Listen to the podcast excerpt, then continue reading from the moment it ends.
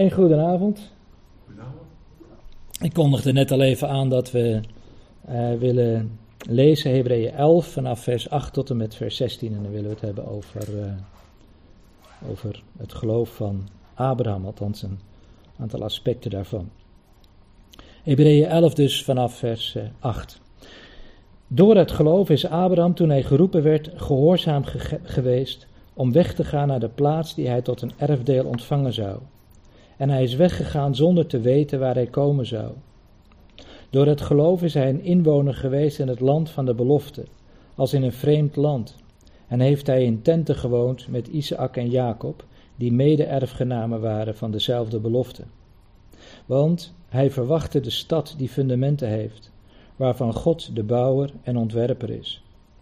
Door het geloof heeft ook Sarah zelf kracht ontvangen om zwanger te worden en een kind te baren.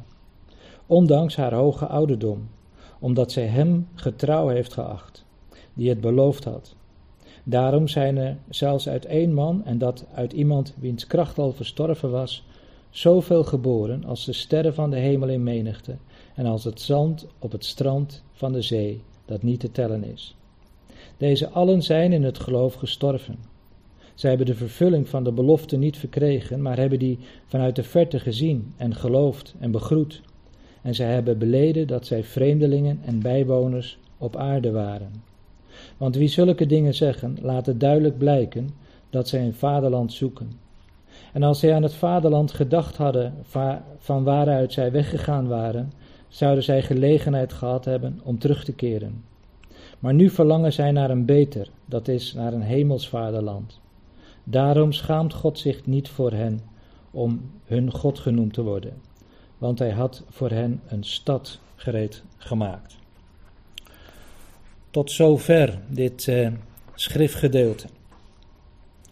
Um, ja, Abraham is de vierde geloofsgetuige die hier in Hebreeën 11 uh, eh, wordt genoemd. Um, als we nog eventjes uh, op een rijtje zetten, uh, voor zover we ze hebben behandeld. We hebben eerst stilgestaan bij Abel. en we hebben gezien het kenmerk van zijn geloof was dat hij een beter offer bracht dan Kain. En dat hield verband met het feit dat hij een bloedig offer bracht, hè, wat nodig is ter verzoening. Zonder bloedstorting, zegt de Bijbel, geschiet er geen verzoening. We hebben ook gezien dat Abel uh, ja, zijn levenseinde uh, ja, was, hè, doordat hij door Kain werd gedood. Een gewelddadige dood is hij, heeft hij ondergaan. Maar bijzonder dat we weten van hem, hè, vanuit vers 4 van Hebreeën 11, dat hij rechtvaardig was. Hè, dat God hem gerechtvaardigd heeft uit het geloof dat hij had. Um, Henoch hebben we ook met elkaar behandeld. Het kenmerk van Henoch is dat hij wandelde met God. We hebben ook even de relatie gezien tussen Abel en Henoch. Abel of Henoch kon wandelen met God. En dat is altijd op basis van het offer, op basis van bloedstorting, op basis van verzoening. Uh, Henoch levenseinde op aarde kwam doordat hij door God werd weggenomen. Hij heeft de dood niet gezien, heel bijzonder. En het getuigenis dat God aan hem gaf was dat hij God behaagde. In het geloof, in de wandel die hij met God deed, had God ja, duidelijk een behagen in deze uh, gelovigen. Uh, bij Noach zien wij dat uh, ja, zijn geloof zich vooral richtte op uh, ja, dat hij dingen heeft gedaan op basis van het geloof, door het geloof, die nog niet te zien waren. Hè. Hij bouwde de ark volkomen in het geloof. Er was eigenlijk nog helemaal geen aanleiding om te denken dat er een vloed zou komen of wat dan ook. Maar puur op datgene wat de Heere hem had uh, gezegd, uh, heeft hij die ark gebouwd. En uh, Noach is bewaard door het oordeel heen. Dat is ook weer een, eigenlijk weer een hele unieke situatie hè? bij Noach. En ja, ook van hem lezen wij hè, dat hij een erfgenaam is van de rechtvaardigheid. De ark, hè, eigenlijk ook de vorige keer ook gezien, ook weer een prachtig beeld. Hoe die ark een type is van, van de Heer Jezus Christus. En waardoor hij door dat oordeel heen um, bewaard is gebleven met uh, de zijnen. En dan komen we dus bij de vierde geloofsgetuige en dat is eh, Abraham. En eh, ja, over hem lezen wij dat hij eh, door het geloof, hè, dat is wat we steeds in, deze, in dit hoofdstuk tegenkomen, hè, twintig keer komen die uitdrukking tegen, door het geloof, vers 8, uh, is Abraham toen hij geroepen werd gehoorzaam geweest om weg te gaan naar de plaats die hij tot een erfdeel ontvangen zou. En hij is weggegaan zonder te weten waar hij komen zou. Eigenlijk een, eh, een prachtige tekst die we vanavond eens wat, wat nader willen ontleden en kijken wat voor bijzondere rijkdommen eigenlijk in dat vers en natuurlijk ook de andere versen, maar bijzonder ook dit vers eigenlijk in te vinden zijn. In de eerste plaats is het goed, denk ik, om even stil te staan bij de naam Abraham. Um, want op het moment dat uh, Abraham geroepen werd, heette hij niet Abraham, hè, maar heette hij Abraham. Hè, Abraham, Abraham, moet ik het goed zeggen, ja, zonder he. Hè, de, um, en, um, en dat betekent verheven vader. En je zou eigenlijk kunnen zeggen dat in de naam Abraham uh, feitelijk al ja, een stukje van die belofte ligt opgesloten van ja, het krijgen van een zoon. Hij zou Abraham, vader zijn en wel een verheven vader. Dat is de betekenis van zijn naam. En eh, ik denk dat we ook rustig kunnen stellen als we zo eh, eigenlijk het leven van uh, Abraham bestuderen, dat hij ook inderdaad een man is geweest van veel aanzien. Het was ook iemand die ook, uh, ja, ook door God rijk gezegend was. Uh, het was ook een man die ook uh, de beschikking had over een, over een leger. Hè, dat lezen we ook later, dat hij een oorlogsvoering ook moest plaatsvinden. maar ook heel in het bijzonder, bijvoorbeeld in Genesis 23, vers 6, je hoeft het niet op te zoeken, maar daar lezen we dat Abraham dan aan de Hethieten vraagt om een eigen graf in Hebron voor Sarah, die dan inmiddels is overleden. Uh, en dan, uh, dan, dan zeggen die Hethieten, uh, Genesis 23, vers 6, luister naar ons, mijn Heer, hè, Adoni, hè, we kennen de Adonai, Adoni, hè, mijn Heer, u bent een vorst van God in ons midden. En dat geeft eigenlijk ook al aan hoe hij, als het ware, een verheven vader was. Hoe hij inderdaad aanzien had en eigenlijk ook werd uh, ja, ook werd herkend hè, als, een, als een vorst hè, uh, van God. En uh, ik denk ook dat Abraham, hè, ook door zijn geloofswandel, ook, ja, ook, ook dat respect ook heeft, heeft afgedwongen. Later dan voegt de Heer een he aan de naam toe, Abraham, en dat wordt dan Abraham. Hè. De he is de vijfde letter van het Hebreeuwse uh, alfabet. Of alef beet zou ik moeten zeggen. En uh, de eerste keer dat we die naamsverandering vinden, dat is in Genesis 17. Um, we kunnen daar ook wel even naartoe. Genesis 17 vanaf vers 1.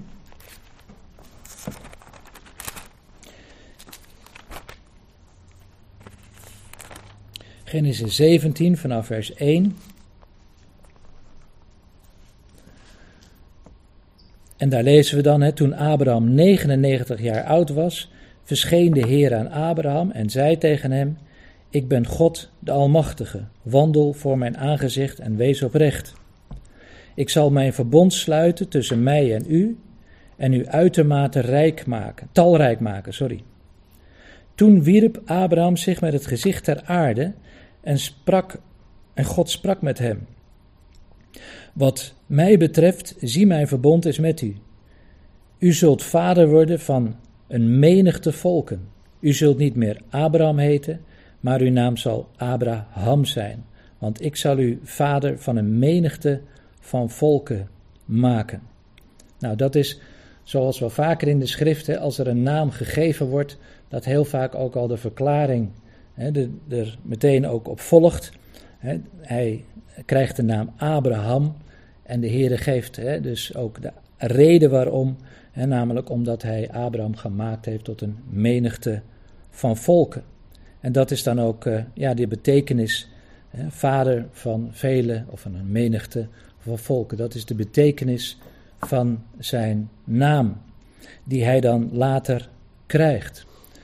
Ehm, dus het is een beetje uh, afhankelijk van, uh, van 12 tot en met, uh, of van 11 moet ik zeggen, Genesis 11 hè, tot en met vers, hoofdstuk 16. En daar lezen we, komen we Abraham tegen. En vanaf hoofdstuk 17 heeft hij dus die naamsverandering ondergaan en heet hij Abraham. Um, bijzonder dat Abraham, die ja, ja kinderloos was, Um, Rebecca was uh, onvruchtbaar, weten we. Um, maar dat, dat de Heer, en daar komen we de volgende keer ook nog wel even over te spreken, op een wonderlijke wijze die schoot van, Ab van, um, van Sarah heeft geopend hè, en dat, dat daar dus leven kwam. En dat is ook bijzonder, ja, nou, noem ik het toch eigenlijk al, dat, dat eh, Abraham, dat hij staat op die hoge leeftijd, dat dat uit een verstorvene, hè, uit één man die uit hè, iemand wie kracht al verstorven was, hè, zoveel zijn geboren als de sterren van de hemel in menigte en als het zand op het strand van de zee dat niet te tellen is. Hebreeën 11, vers 12. En dan is het goed om te bedenken dat natuurlijk niet alleen Isaac hè, de, de, de, de zoon is die, eh, die God eh, aan eh, Abraham en Sarah gegeven heeft, maar natuurlijk ook Ismaël. Hè. En uit Ismaël zijn ook heel veel uh, volkeren ook uit voortgekomen. Dus je ziet hoe uh, de Heer uh, deze belofte met betrekking tot, tot Isaac ook heeft waargemaakt. Zowel met betrekking tot Abraham en het grote nageslacht van die twaalf stammen en die twaalf volkeren zou je kunnen zeggen die daar ook uit zijn voortgekomen. Maar ook dus door Ismaël, die ook uh, waar ook een menigte uit, van volken ook uh, uit zijn voortgekomen. Dat is natuurlijk één ding. Uh, het andere ding is natuurlijk dat Abraham niet alleen een fysiek, een biologisch nageslacht heeft gekregen door een wonderlijk ingrijpen van God, maar dat Abraham ook een geestelijk nageslacht heeft gehad, waar de schrift ook veelvuldig over spreekt. Ja? Uh, in, uh, in Romeinen 4, vers 11, uh, daar lezen we met betrekking tot Abraham, ehm, en ik citeer even, hij heeft het teken van de besnijdenis ontvangen als een zegel van de gerechtigheid van het geloof, dat hij had toen hij nog onbesneden was, opdat hij een vader zou zijn van allen die geloven, hoewel zij onbesneden zijn, opdat ook hun de gerechtigheid toegerekend zou worden. Misschien even een lastige vers om zo even meteen uh, op je te laten inwerken en te begrijpen.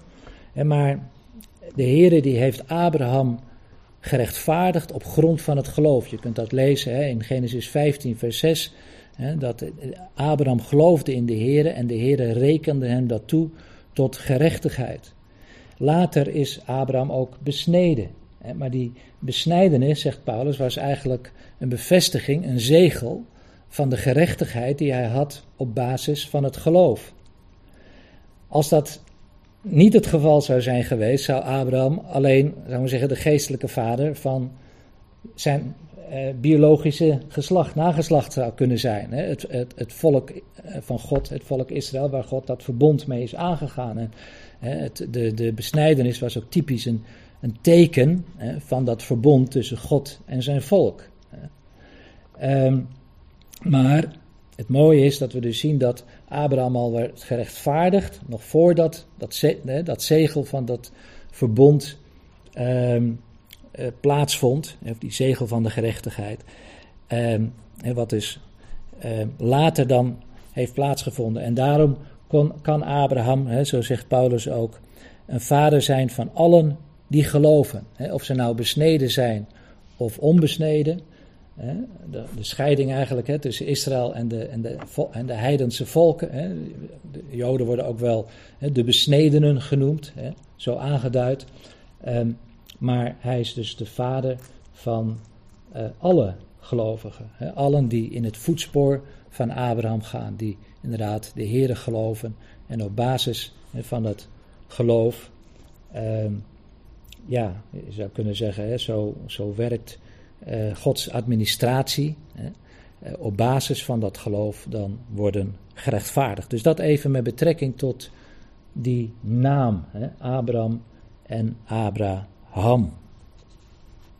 Naast, naast uh, Isaac en Ismaël heeft hij nog Ja. Ja, klopt. Ja, nee, dat is zo. Ja. Dat zijn ook allemaal volken. ja, daar zijn ook allemaal volkeren uit voortgekomen. Ja, dat is zo. Ja, na de dood van Sarah. Ja, ja. nee, dat is helemaal terecht, eh Krijn. Ja. Ehm, ja, door het geloof, hè. Ehm, dat hebben we gezien, dat, dat is eigenlijk ja, leidend hè, in, in, in, in dit hoofdstuk, Hebreeën 11. Ehm, maar het is ook bijzonder, dat, eh, ook duidelijk, dat eh, de schrift ook aan het geloof van Abraham de meeste aandacht schenkt. De meeste versen in, eh, in dit eh, elfde hoofdstuk gaan over het geloof van Abraham. Aan, aan hem, aan zijn geloof, ehm, heeft de Heer eigenlijk door zijn geest hier de meeste aandacht geschonken. En, ehm, maar niet alleen in Hebreeën 11, eh, bijvoorbeeld ook in Romeinen 4. Dat is een heel hoofdstuk wat eh, feitelijk ook gaat. Hè. In, in Romeinen gaat het natuurlijk hè, over de rechtvaardiging hè, door het geloof. En in Hebreeën 4 zien wij dus dat ja, eh, Paulus daar dus ook een heel hoofdstuk aan wijdt. Aan, het, eh, aan het geloof van Abraham en hoe die rechtvaardiging heeft plaatsgevonden. Hetzelfde ook in Galaten, de brief aan de Galaten, hoeft ons niet te verbazen, want de Galaten die hadden eigenlijk de neiging om weer terug te gaan naar de wet, naar, naar de werken. Ehm, maar het is juist ook in eh, Galaten 3 met name dat eh, Paulus ook daar eh, dat voorbeeld dus ehm, van, ehm, van Abraham ook neemt. En ook overigens in Galaten 4, waar dan hij die typologie eigenlijk laat zien. Misschien kennen jullie dat wel, die, dat beeld wat hij daar gebruikt tussen Hagar en, eh, en Sarah. Sarah die eh, de zoon der belofte eh, voortbrengt en Ismaël ehm, ja, de, de, ja, de, de, de dienstknecht, hè, die eigenlijk sta, een beeld is van, van de wet. Die twee beelden die Paulus daar ehm, eh, laat zien. En dan in Hebreeën 7 komen we ook nog Abraham tegen. En dat is dan vooral in relatie tot eh Melchizedek. Ook een hele bijzondere eh, geschiedenis eh, in de Hebreeënbrief. Ehm, ja, laten we nog eens even verder kijken naar, naar dat zesde vers waarvan ik zei, ehm, of niet het zesde vers, maar het achtste vers, ehm, waar eigenlijk zo geweldig veel in staat. Hè. Door het geloof is Abraham toen hij geroepen werd, eh, gehoorzaam geweest. Abraham die dus persoonlijk door God werd geroepen. Het is ook wel even goed om even stil te staan bij het feit dat eh, Abraham geroepen werd eh, uit, een, uit een gebied waar de God van Israël niet gekend werd. Ur, Ur der Galdeeën, dat was een, een plaats waar, ja, waar een hele maancultus was. Hè, waar een maangod werd aanbeden, eh, waar astrologie eigenlijk eh, het grote medium was om tot, eh, tot diepere kennis en inzicht te komen. En is ook wel gebleken dat ook in Ur ook ziggurats hebben gestaan. Dat zijn soort tempeltorens, waarmee dan ook die, die, die, die astrologie ook bedreven kon worden. Hè, waar die sterren dan ja, bestudeerd konden worden. En daar is natuurlijk helemaal niks mis mee, hè, als je het hebt over de astro, astronomie. Maar de astrologie, hè, dat is natuurlijk een, een, een gebied wat de, wat de Bijbel heel duidelijk verbiedt. En eh, ja, daar eh, is dus ook Ur eh, onbekend. Zoals in de tijd natuurlijk ook Babel hè, ook bekend was om zijn torenbouw. Dat is hè, naar alle waarschijnlijkheid ook zo'n zoek, geweest. Waarmee dus eh, ja, de sterren werden geraadpleegd tussen aanhalingstekens. Ehm, het is ook mooi als je leest in, in Joshua 24, vers 2, dat eh, dat ook door eh Joshua eh, ook bevestigd wordt. Eh, je mag het opzoeken, ik kan het ook even voorlezen. Joshua 24, vers 6. Hè, daar staat: Toen zei Joshua tegen heel het volk: Zo zegt de Heere, de God van Israël. Aan de overzijde van de rivier hebben uw vaderen. Zeg je? Vers 2. Oh, sorry, vers 2, ja. Moet dus een sterker brilletje, geloof ik, gaan aanschaffen. Ja, het is eh, vers 2, sorry. Ja, Joshua 24, vers 2. Het is wel goed dat ik mijn assistent heb meegenomen. Hè? Ja. Ehm, zo zegt de Heere, de God van Israël, aan de overzijde van de rivier hebben uw vaderen van oude tijden afgewoond. Namelijk Terach, de vader van Abraham en de vader van Nahor. En ze hebben andere goden gediend. Ehm, dat is feitelijk, ehm, ja, ehm, ja de, de, de, de cultuur waar, waar, waar Abraham uit voortkwam. Aan de overzijde van de rivier. Dat is wel interessant, omdat Abraham eh, de- degene is die als eerste een Hebreeër wordt genoemd. U kunt het lezen in Genesis 14, vers 13. Daar wordt eh, Abraham aangeduid als een Hebreeër. En Hebreeër wil eigenlijk zeggen, hij die van de overzijde komt. En natuurlijk, als je het hebt over de overzijde, dan, heb je het over de Uifraat. En hij is over die Uifraat, is hij heen gekomen en is hij dus gegaan naar het beloofde land. Ehm, toen ik daar zo eh, ja, over nadacht, dacht ik, wat is dat eigenlijk eh, ook, ook kenmerkend voor ons leven? Hè? Wij zijn ook, je zou kunnen zeggen, geestelijk gezien ook Hebreeërs. Hè? Wij komen ook van de overzijde. Wij komen hè, vanuit de wereld, hè, zijn wij overgezet, zegt de Bijbel, in het koninkrijk van de Zoon, zijn liefde. Wij hebben ja, van nature de een meer dan de ander eh, ook andere goden gediend. Eh, hè, maar de Heere die ons eh, geroepen heeft hè, vanuit de duisternis in zijn licht. En de, zo zien we, hè, daar ligt ook een prachtige parallel natuurlijk ook met, eh, ja, met onze bekering en ons leven met de Heer. En dan lezen wij vervolgens dat Abraham dus ook eh, in gehoorzaamheid, hè, ehm, toen hij geroepen werd, in gehoorzaamheid eh, ja, op weg is gegaan. En dat is, denk ik, ook zo'n belangrijk eh, aspect wat we in dit vers ook tegenkomen. Dat geloof hè, is inderdaad aannemen hè, wat God zegt. Het geloof is uit het gehoor en het gehoor is door het woord God, va- van God. Maar eh, geloof veronderstelt ook gehoorzaamheid. Die, die, zijn, die twee zijn eigenlijk onlosmakelijk met elkaar verbonden. Datgene wat we geloven en datgene wat de Heer ons vanuit zijn woord bekend heeft gemaakt. ehm, ja, dat is ook feitelijk ja, wat God ook redelijkerwijs van ons mag verwachten. Dat we ook dat niet alleen geloven, maar ook daarnaar wandelen. Daarnaar ons leven inrichten. Daarnaar ook werkelijk herkenbaar zijn als, eh, als gelovigen. Gehoorzaam. Ik vind het altijd zo mooi dat in het woord gehoorzamen ligt ook het woord horen in opgesloten. En dan heb je het eigenlijk helemaal compleet. Het geloof is uit het gehoor. Het gehoor is door het woord van God. Maar in dat gehoor zit ook het begrip gehoorzamen. Dat is eigenlijk prachtig. In onze taal dan komt dat, eh, komt dat eh, tot uitdrukking. Ehm viel me ook op in, in de Romeinenbrief dat Paulus ook twee keer daar spreekt over eh, de gehoorzaamheid van het geloof. Hè, of samengevat, hè, of eh, samengesteld, eh, geloofsgehoorzaamheid. Je ziet dat in Romeinen 1 vers 5 en ook Romeinen 16 vers 26. En waar eigenlijk die twee, eigenlijk, hè, die twee componenten, als ik het nou maar een beetje, ja, een beetje, een beetje bot zeg, eigenlijk onlosmakelijk met elkaar verbonden zijn. Hè? Geloof en gehoorzaamheid.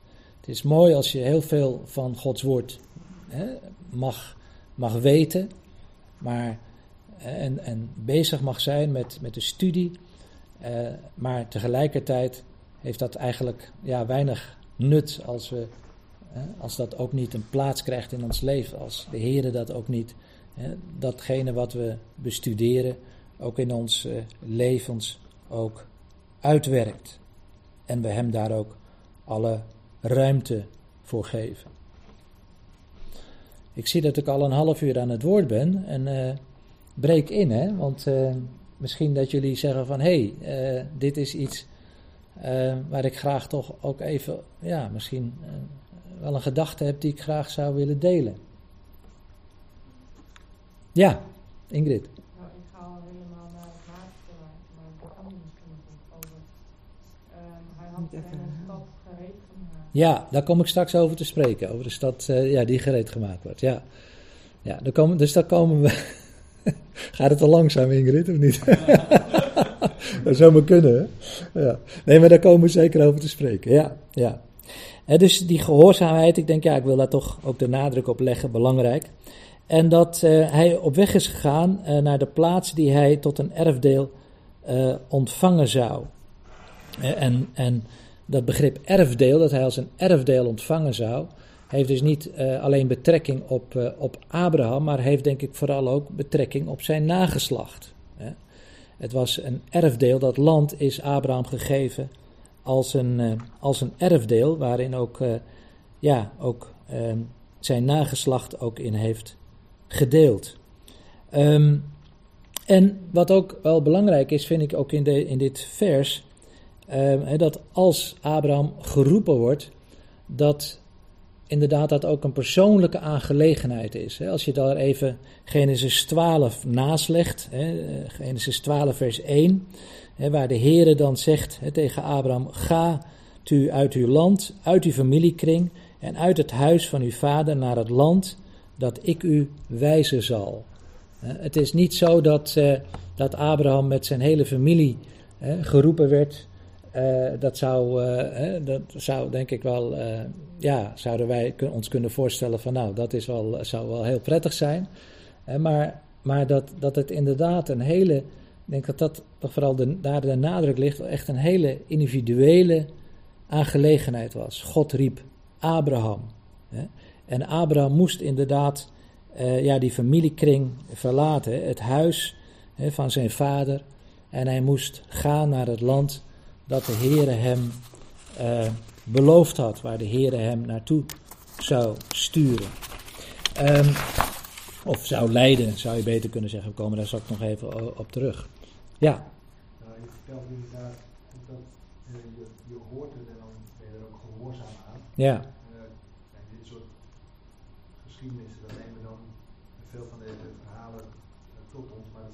grote stappen die mensen nemen. Hè. Ze, laten alles achter en ze gaan dan ja. naar een ander land of ze bouwen een ja. ja. Uh, kijk, voordat we zelf zeg maar uh, de straat oversteken, kijken hier links, rechts, links. Ja. En dat zijn allemaal veel kleinere stappen. En in, ja. in die zin van die stap van ja, je werkt natuurlijk uit je eigen leven. Hoe radicaal is dat dan? Ja. Uh, je hebt zo'n geschiedenis als voorbeeld. Ja. Je bent gehoorzaam. ja, in vergelijkbare stappen nemen niet zo snel als mens? Of zijn het vooral geestelijke stappen? Dat, ja, dat... ja. Ja, ik wil, daar zo, ik wil daar zo inderdaad nog even die geestelijke les, uh, uh, daar wil ik graag zo nog heel even op terugkomen, Wouter. Wouter vraagt, ik zeg dat, ja, herhaal dit even, van uh, ja, dit zijn best grote stappen. Hoe, hè, hoe moet je dat vertalen naar je persoonlijk leven? Hè? Ja. Dat is, ja. Ehm, nou moeten we natuurlijk oppassen dat we alles naar ons toe willen lezen. Dat we in alles uh, meteen een geestelijke les zien. Uh, dus we moeten daar ook wel uh, zorgvuldig in zijn. want het is niet zo dat God, als Hij ons roept, dat Hij dan vervolgens, zoals in bepaalde sectarische kringen gebeurt, van je moet maar breken met je familie. Uh, en dat soort dingen, nee, juist niet. Hè. Het is juist belangrijk op de plaats hè, waar, God je, waar God je roept, om daar ook tot de getuige te zijn. Uh, dus we moeten wel altijd wel oppassen waar we, waar we lijnen uh, trekken. Maar we komen er straks nog wel even op terug, want het is op zich wel heel bijzonder. Ehm, wat dus met Abraham is gebeurd. En hoe Abraham, en ik denk dat daar vooral het accent is, ligt, hoe Abraham inderdaad dus die weg in het geloof is gegaan. Lot is met hem meegegaan, maar we weten dat is echt een fiasco geworden. Lot die uh, na verloop van tijd eigenlijk zijn oog toch heeft laten vallen op die, uh, op die mooie uh, Jordaan streek, die vruchtbare Jordaanstreek. En uiteindelijk zich steeds verder van Abraham heeft verwijderd. En uiteindelijk dan eh, in eh, Sodom terecht is gekomen. Nou, Sodom is natuurlijk ook een verschrikkelijk verhaal als je dat leest. Eh, en dan uiteindelijk dan, eh, moet hij daar geëvacueerd worden door de heren. En komt hij nou, uiteindelijk dan terecht in een grot. Hè. Nou, wat daar gebeurt, daar word je ook bepaald niet blij van. Maar dat laten we even, even liggen. Ehm, dus, dus in dat opzicht zien wij dus dat, dat Abraham inderdaad eh, geroepen werd. En het grappige is, of het ja, mooie is, als je leest in Genesis 11, vers 31, daar lijkt het erop alsof Terach, eh, zijn vader, het initiatief neemt. Denk, het is natuurlijk een hele patriale, patriarchale eh, samenleving, hè, waar natuurlijk eh, ja, de vader van de familie een, grote autoriteit was. In Genesis 11, vers 31, daar lezen we: En Terach nam Abraham zijn zoon en Lot, zijn kleinzoon, de zoon van Haran, en Sarai, zijn schoondochter, de vrouw van zijn zoon Abraham, en ze trokken met hen uit Ur van de Galdeeën naar het land Canaan te gaan. En zij kwamen tot Haran en bleven daar wonen. En daar zie je dus, daar lijkt het alsof eigenlijk ehm, Terach, de vader van Abraham, de initiatiefnemer is. Hij is degene die op weg gaat en hij neemt. Je zou kunnen zeggen dat is de menselijke kant van het verhaal.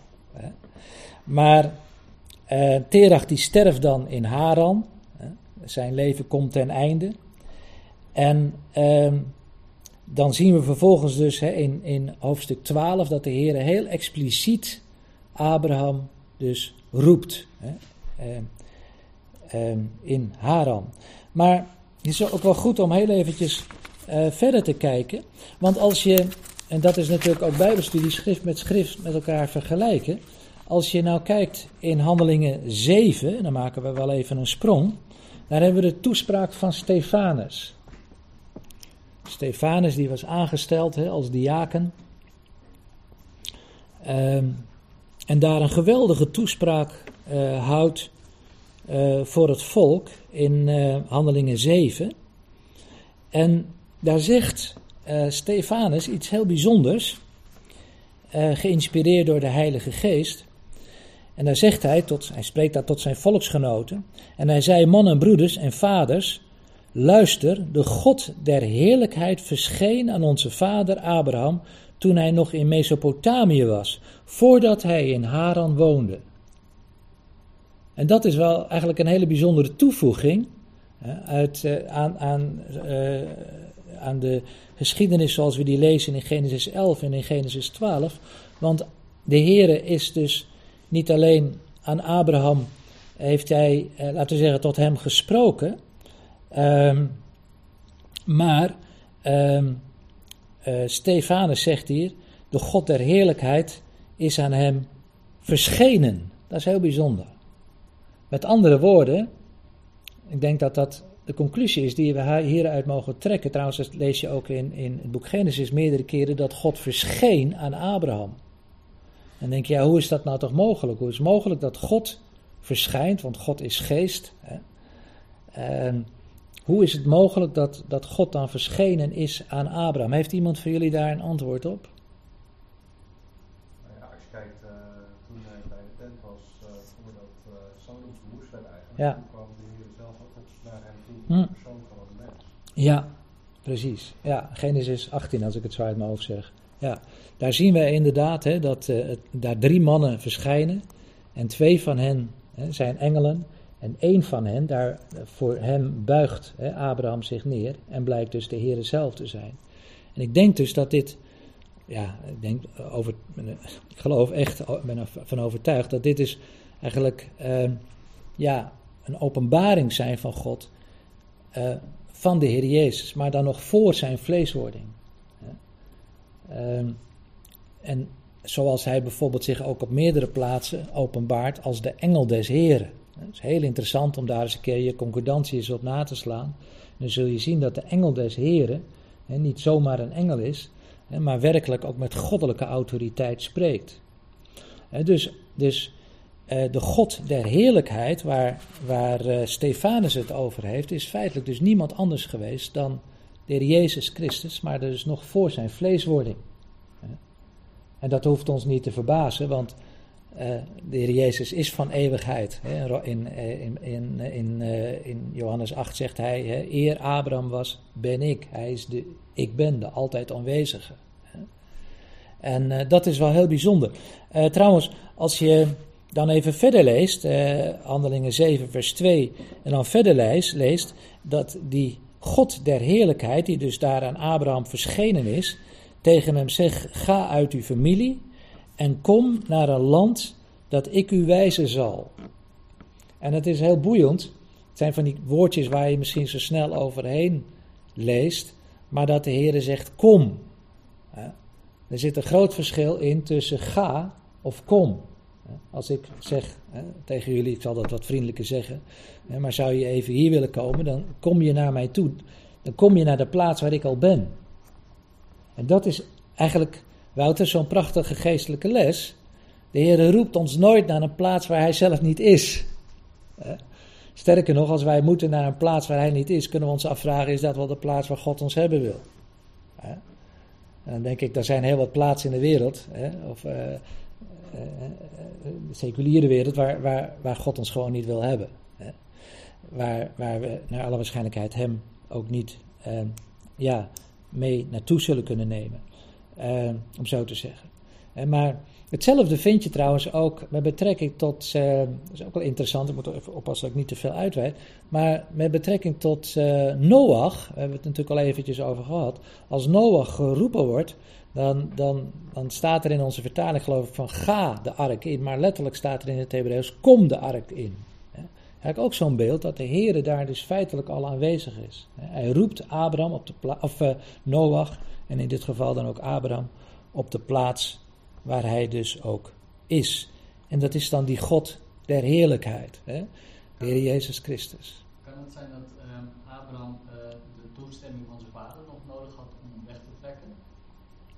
hier eigenlijk, in het eerste stukje lezen we dat de, de vader neemt initiatief ja. om weg te trekken. Ja. Maar we leren hiervoor dat uh, Abraham eigenlijk uh, naartoe is gesproken door Ja. Ja. Dus Abraham heeft het woord waarschijnlijk in de familie ingebracht en uh, gezegd dat hij weg moet gaan. Ja. Is toch die vader meegegaan Ja. tot die plaats. En pas als die vader overlijdt, kan, kan hij kennelijk verder gehoord Ja. zijn. Ja, ja. Nou, vind ik een hele mooie gedachte, Gert. Hij is bij mij nooit opgekomen. Maar uh, voor uh, degenen die thuis zijn, is Gert zegt, zou het kunnen zijn dat, uh, dat inderdaad um, Terach als het ware toestemming heeft gegeven. Of als het ware, um, ja, ja, je zou kunnen zeggen misschien dat God zijn hart heeft bewerkt. Uh, uh, zodat hij zijn, uh, zijn vaderlijk gezag, zijn patriarchale gezag, heeft, in, ja, heeft, heeft goedgekeurd of, of heeft geratificeerd van wat Abraham als roeping gekregen heeft. Zou je het zo willen zeggen? Ja, ja, ja. Nou, ik vind het een mooie gedachte. Zo zie je maar, hè, Bijbelstudie, dat doe je met elkaar. En uh, ja, zou inderdaad heel, heel, heel, heel, heel goed kunnen. Ja. ja. De gedachte die uh, bij mij gekomen was ook dat hij soort in stappen uh, afscheid nam eigenlijk van het hele ja. Ja. ja, Rens zegt ook een mooie gedachte van het lijkt er wel alsof, alsof Abraham in bepaalde stappen eigenlijk afscheid genomen heeft van zijn familie. Niet, niet rigoureus van, van het een op het andere moment, maar, maar gaandeweg. Hè. Uiteindelijk zie je dus ook dat Lot uh, ja. ook daaruit verdwijnt dat hij alleen overblijft. Ja, ja, ja, dat, uh, dat klopt. Ja, ja, ja. Dus uh, ja, dankjewel Rens. Dat, dat kunnen we er misschien ook wel, wel in terugvinden. Gezien is van Lot is natuurlijk een hele, hele tra tragische. Maar goed, dat even terzijde. Maar inderdaad, het is geleidelijk aan gebeurt. Voor, nog heel even voor wat betreft uh, de God der, der heerlijkheid, die verschenen is aan Abraham. We komen als, als eigenlijk een beschrijving van de Heer Jezus, we komen dat ook tegen, en dat kun je misschien even noteren in 1 Korinthe 2, vers 7 en 8. Daar wordt gesproken over de Heere der heerlijkheid. 1 Korinthe 2, vers 7 en 8. Eh, en daar staat dan in vers 8 immers als zij, die, die eh, geestelijke boosheden, als zij eh, gekend hadden de wijsheid van God, zouden zij de Here der heerlijkheid niet gekruisigd hebben. En dan gaat het heel duidelijk over de Here der heerlijkheid. Niemand anders dan de Heer Jezus Christus. En datzelfde zien we ook in Jacobus 2, vers 1. Hè, mijn broeders, hebben het geloof in onze Heer Jezus Christus, de Here der heerlijkheid. Zonder aanzien des persoons. Daar zie je ook weer, hè, de Heer Jezus, die is de Here der heerlijkheid. En eh, in Colossense 1, vers 27, daar wordt eh, de Heer Jezus aangeduid eh, als de hoop van de heerlijkheid. Eh, Hij die zelf die heerlijkheid belichaamt en ook zelf die hoop is van, van datgene wat de gelovigen ook straks ehm, ja, ehm, ten deel zal vallen. De hoop op de heerlijkheid of de hoop der heerlijkheid. Colossense 1, vers 27. En dat, om dat toch heel eventjes, eh, even dit, dit, dit loopje, deze route zo even verder af te maken, eh, is het ook wel interessant dat eh, we lezen in Johannes 8, vers 56, eh, dat de Heer Jezus zegt, Abraham, uw vader, verheugde zich er sterk op dat hij mijn dag zou zien. En hij heeft die gezien en heeft zich verblijd. Dus je ziet dus dat Abraham, en daar komen we straks eh, ook eh, over te spreken, Ingrid, hè, over die stad die God eh, bereid heeft. Dat Abraham, ja, wij zouden zeggen hij was een visionair, maar dan echt in de zin van, van datgene wat God hem heeft, mogen, heeft, heeft doen aanschouwen. Hij heeft de dag, heeft niet alleen Christus gezien, hij heeft niet alleen de Here der heerlijkheid die aan hem verschenen is. En het moet een bijzondere ontmoeting zijn geweest, die ongetwijfeld ook steeds ook bij Abraham ja, in, in herinnering is geweest. Maar hij heeft dus ook de dag van Christus gezien. Hij heeft mijn dag gezien, zegt de Heer Jezus, en heeft zich verblijd. Ik geloof dat het woordje verblijden, wat hier staat in het Grieks, eh, heeft de, eh, het idee heeft van, van hij heeft een huppeltje gemaakt. Hij, hij heeft gehuppeld van blijdschap. Zo, zo onder de indruk was hij van het zien van die dag. Nou, nou is natuurlijk dan weer eh, de vraag, wat is die dag van Christus? Nou, doe dat, lees dat voor jezelf eens door. 1 Korinthe 1 vers 8, misschien kun je het noteren. Ehm 1 Korinthe 1 vers 8, Filippenzen 1 vers 6 en vers 10 en Filippenzen 2 vers 16. Daar lezen we over de dag van Christus. En kort samengevat is dat eigenlijk de dag waar, waar eigenlijk alles naartoe leidt. Hè? Waar, waar dat werk van Christus hè, voltooid zal zijn. Ook voltooid zal zijn in de gelovigen. Maar lees die teksten voor jezelf, zou ik zeggen, een keertje door. En je ziet dus feitelijk hè, dat Abraham al heeft mogen, al ver in de toekomst mogen kijken. Hè, eh, van, van datgene wat de Heer uiteindelijk eh, zou voltooien. Dat, dat is zo prachtig. En dan kom je natuurlijk ook weer met het punt van tijd. Ja, wat is tijd? Eh, ja, hij heeft die dag al gezien. Het was toekomst. Ja, van ons, naar, van, naar onze perceptie van tijd. Maar, maar God is de ik ben, hij staat boven de tijd. En dat is eigenlijk, vind ik zelf altijd zo'n prachtige gedachte. Dat, dat, ja, dat hij boven de tijd staat en feitelijk datgene wat voor ons nog toekomst is, voor de Heere feitelijk al, ja, al, hè, al, al, al is voltooid. Maar is dat allemaal op hetzelfde moment gebeurd? Dus Abraham kende God niet en toen verscheen God en toen heeft hij dat allemaal... Nou, nee, dat, dat weten we natuurlijk. Nou, in zoverre wel natuurlijk dat, dat, hij, dat, de, He- dat de Heere der heerlijkheid inderdaad, dus in Mesopotamië al aan, eh, aan Mozes is geopenbaard. Dat is wat, eh, eh, of is verschenen, dat is wat Steven, eh, of zeg, aan Abraham, sorry. Gaan ze allemaal door elkaar. Zie je? Hij kende God niet en God verscheen aan hem en hij Ja. vond het gelijk en hij ging het doen. Ja, ja en, en welke volgorde en hoe dan ook, dat is natuurlijk eh, bekend en hoe, eh, niet bekend en welke tijdspad daar is, is, is, heeft plaats. Want dat, dat kunnen, weten we natuurlijk niet. Maar in ieder geval is het wel heel bijzonder dat dus eh, de Heere eh, dus, dus al op die plaats, in die, die periode, eh, dus al aan hem is, eh, is geopenbaard. Is verschenen. Ja, dan zij dient eerst de afgoden Ja, en dan eh, krijgt hij een verschijning van God. ja. Ja, zich ontwikkelen in de leven. ja. Maar dus- Je hoort het bij moslims ook wel eens. Hè? Dat, dat is natuurlijk even wel heel erg een zijpad. Maar dat, dat, eh, dat, ze, dat de Heer aan hen verschijnt in een droom of zo. Eh, Daarmee wil ik helemaal niet zeggen, eh, helemaal niet eh, eh, een verklaring geven hoor, van deze gebeurtenis.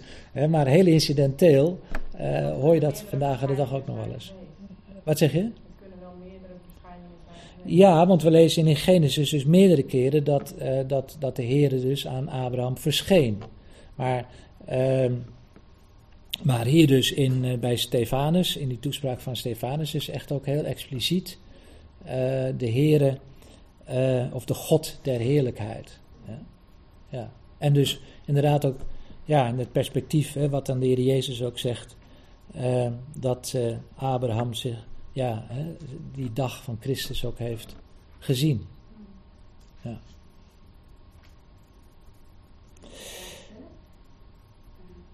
Ja, er dan ook een verschil in de verschijningen dat, u zegt de ene keer is de Heer de heerlijkheid, maar is het ook zo van een God verschenen Abraham, moet je dat dan zien als God de Vader?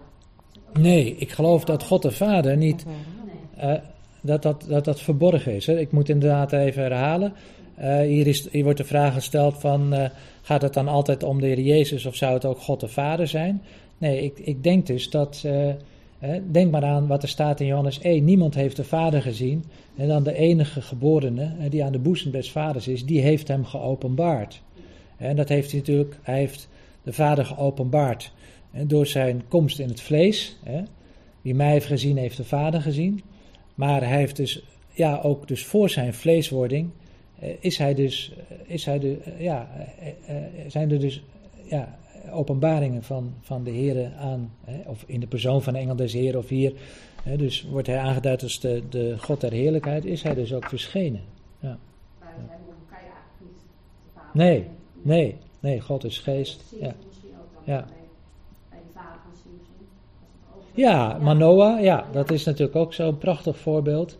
Hè, waarin eh, je ook, eh, wat is uw naam? Ja, mijn, mijn naam is eh, wonderlijk. Hè? Nou, dat is, dat is ook eh, typisch een, een naam hè, die ook alleen de Heere zelf draagt. Hè? Zijn naam is wonderlijk. Dat hij dacht Ja. dat hij zou sterven, omdat hij God gezien had.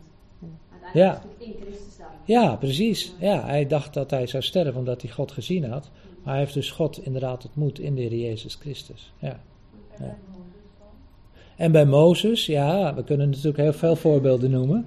Eh, ja, geen, ja, natuurlijk. Exodus 3, ja, hè, dat, dat, eh, de, de verschijning van de Heer aan Mozes in de brandende braamstruik. Hè. Nee, Van- ik bedoel meer dat Mozes God wilde zien, maar dus zegt God, Oh ja. zien en met een klaartje alleen maar achter Ja, ja. Dat kan wel.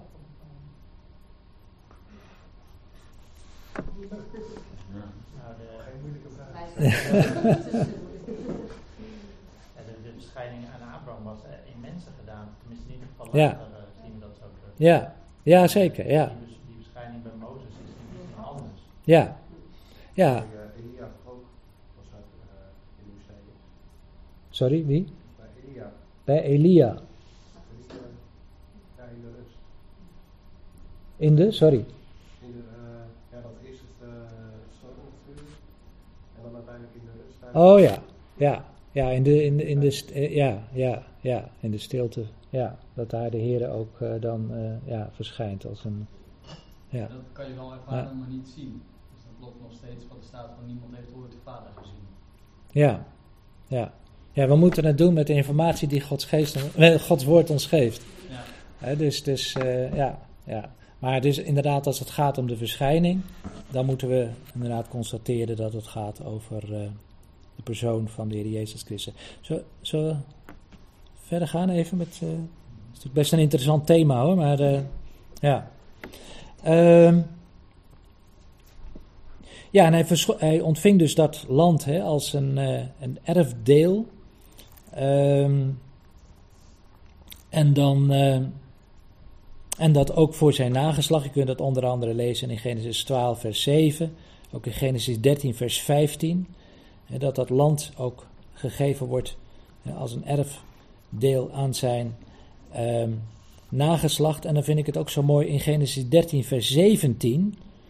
Ehm, dat is eigenlijk na die geschiedenis waarin dan Lot hè, de keuze krijgt welk, eh, welk gebied hij dan hè, mag nemen. Dan neemt hij, Lot neemt dan ook het mooiste gebied.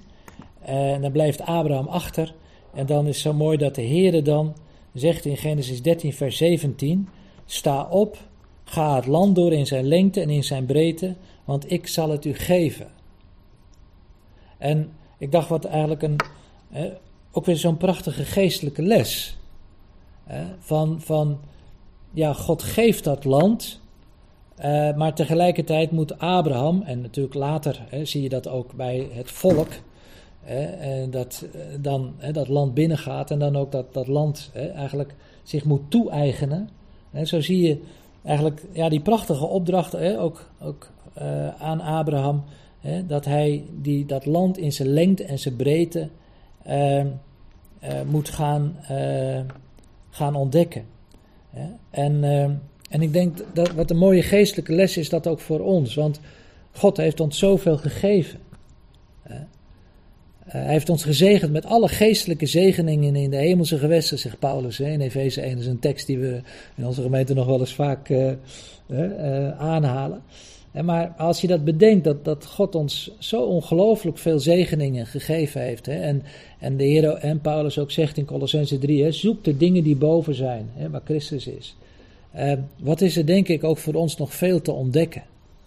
En je zult ook zien dat, dat, dat Abraham eh, door, dat, door dat geloof ook die, die weg is gegaan. En, en ja, we zullen daar zo nog terugkomen dan ook bij die stad die God hem in het vooruitzicht heeft gesteld. Dat Abraham zijn hart, ook dat is, is, is ja, zijn hart ook, ook, ook gezet heeft op datgene wat God hem gegeven heeft. Als erfdeel. En natuurlijk, en zo zullen we straks ook kijken, ehm, dat, eh, dat dat uiteindelijk veel verder reikt dan het fysieke land. Ehm, Mag ik daar wat eh, op Ja. aanvullen? ja, zeker. Ehm, ik las dat eh, laatst.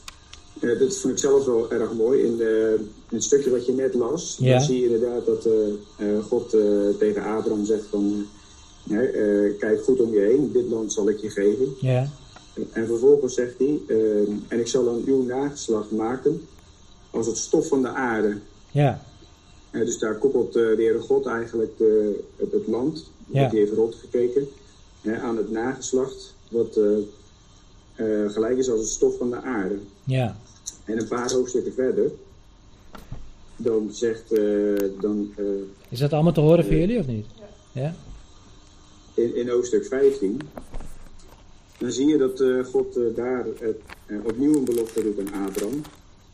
En dan zegt hij, ehm, eh, kijk toch naar de hemel en tel de sterren. Ja, En als u ze kunt tellen.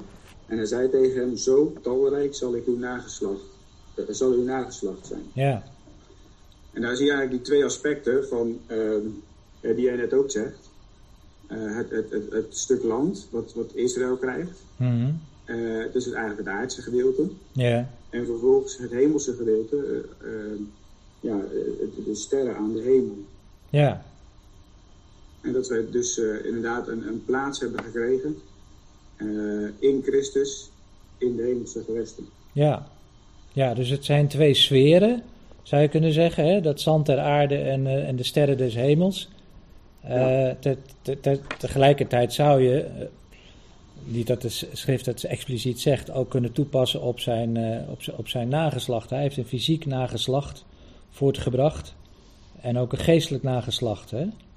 Precies, Degene die ja. dus ook inderdaad in die weg van het geloof zijn gegaan. Ja, Ja. dus eh, bedankt eh, Peter. Ja, een mooie, mooie aanvulling. Ja, dankjewel. Ehm ja, en dan toch ook nog even dat aspect van eh, vers 8. We zijn nog niet verder gekomen dan vers 8.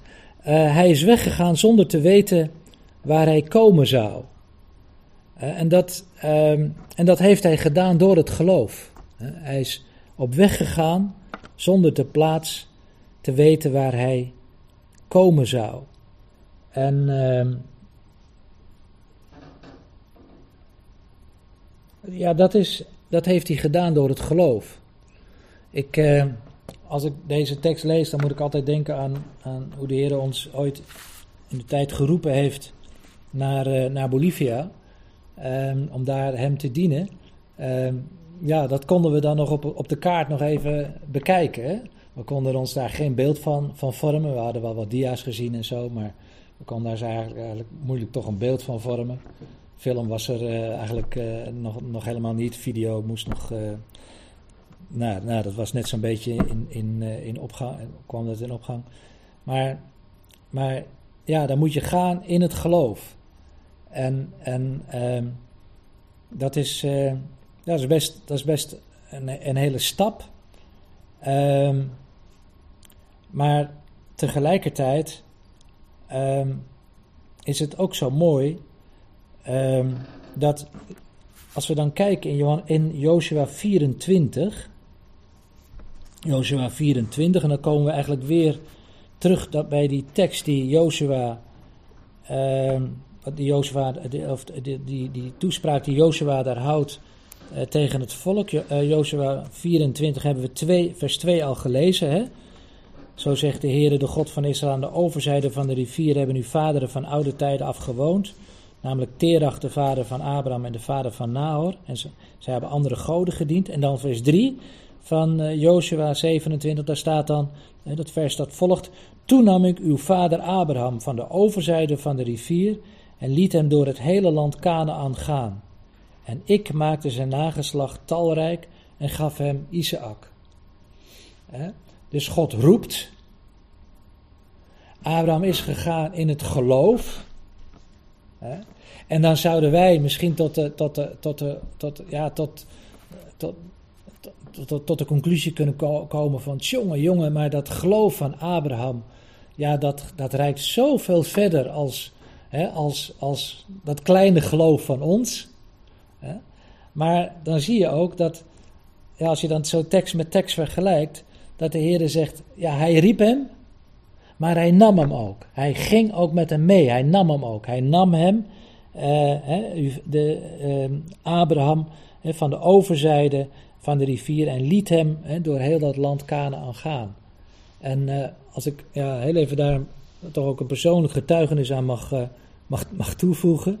Eh, toen, wij, toen de Heer ons riep om naar, naar Bolivia te gaan, dat was in 79, eh, toen hebben we dat eigenlijk niet als een heel groot offer ervaren of zoiets eigenlijk. Of als iets wat, we hebben eigenlijk alles achter moeten laten. We, ja, eh, en we ja, hadden ook het idee van nou ja, dat, dat, dat we daar ook verder ons leven zouden, zouden doorbrengen. Dat het een, een, roeping zou zijn van het leven.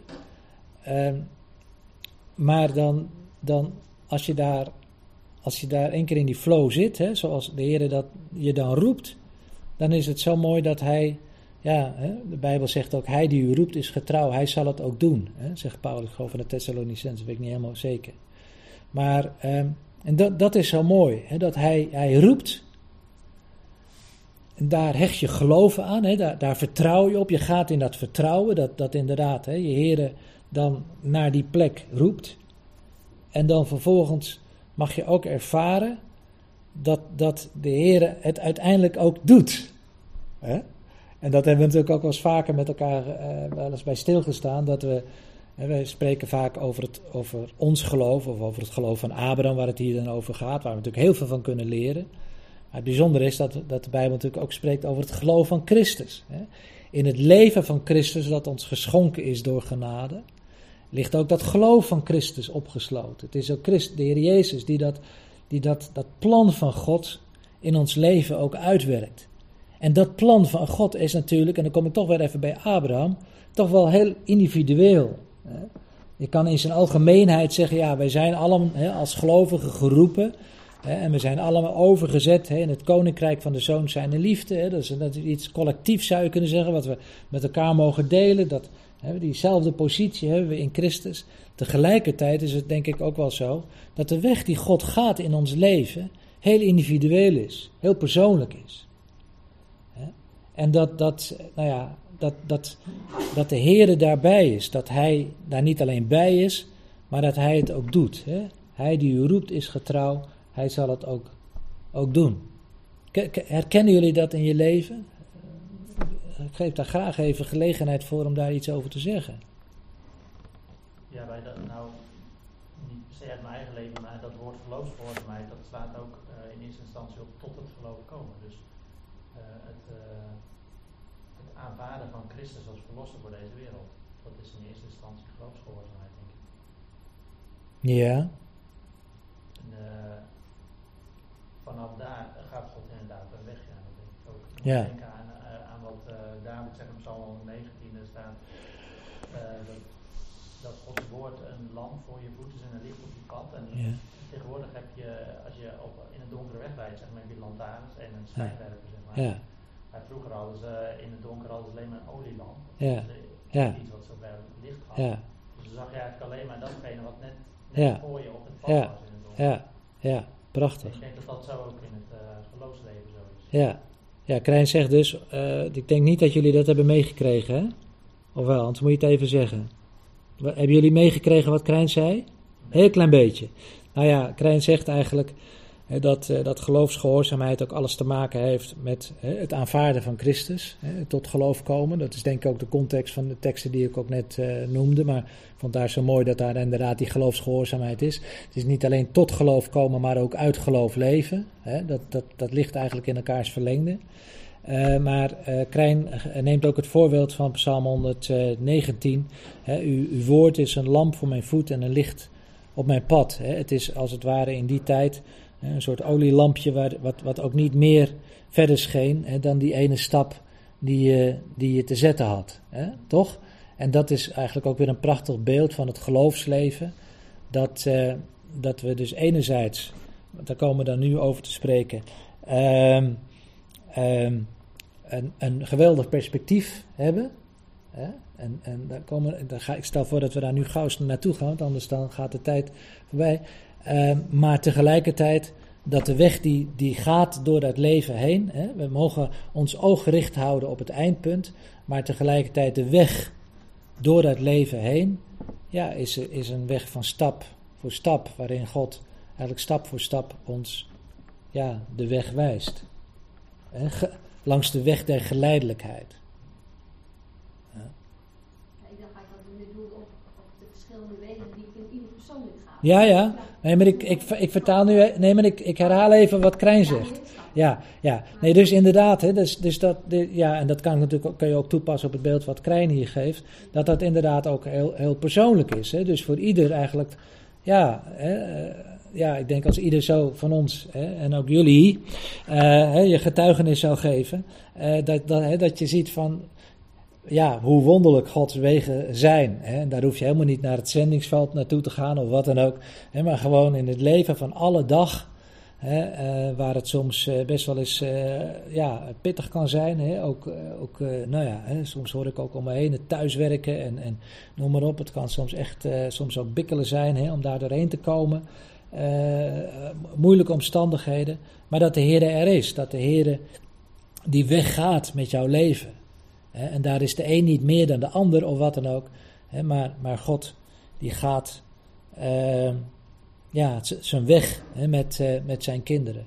En ja, wat dan ook zo mooi is, vind ik ook bij Abraham, toch ook weer dat vertrouwen op de Heer. Hij wist niet waar hij komen zou. Hij, eh, het is niet zo dat de Heer hem een kaart kon, hè, heeft laten zien van nou joh, weet je, dit is de route, die ga je nemen, hè, en, enzovoort, enzovoort. De Heer heeft hem ja, die, die weg gewezen en is voor hem uitgegaan. Zoals de Heer ook in de woestijn voor zijn volk uitging. En dat volk de Heer mocht volgen.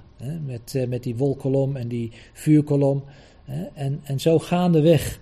Eh, eigenlijk, eh, ja, dat, dat hele volk, die, die weg door de woestijn is, is gegaan. Als ik Ja. naar mijn eigen leven kijk, heb ik Ja. het gevoel dat ik vaak eh,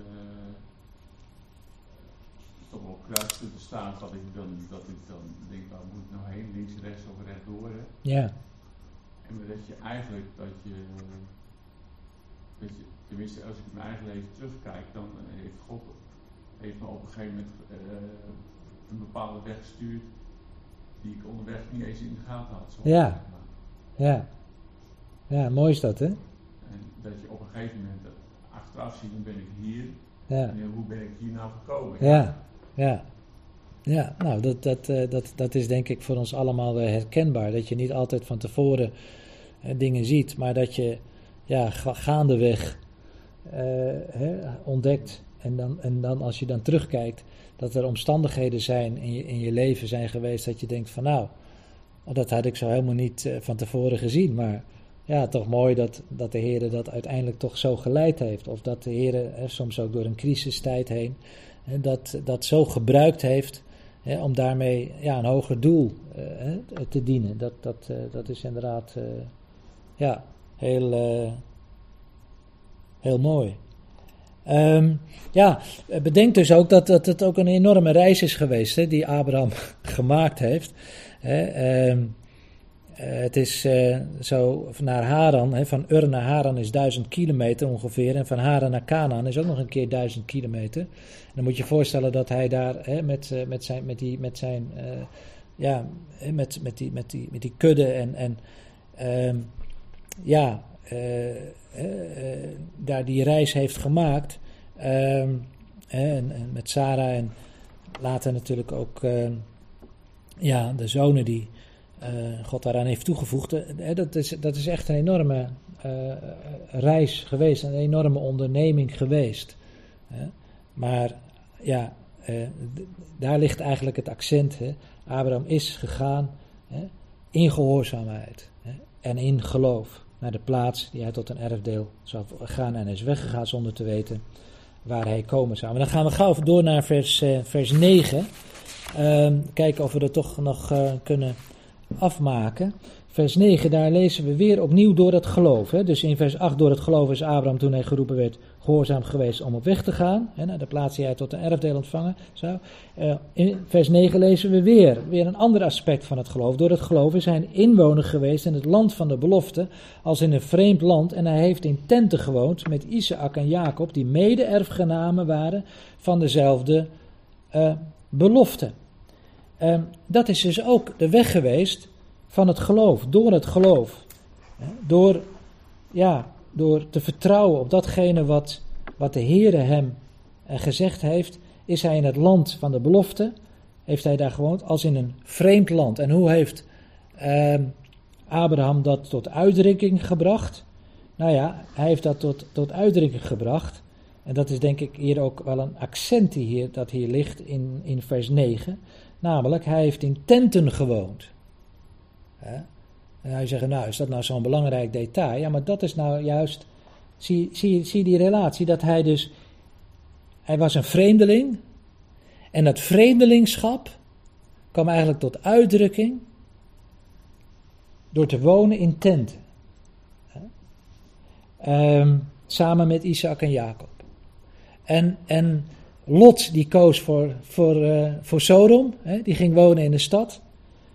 Eh, Abraham kwam uit Ur, hè, der Galdeeën. We, hebben net al even gezien het negatieve aspect daarvan, maar het was natuurlijk een stad waar, hè, die, die met een hoge eh, ja, culturele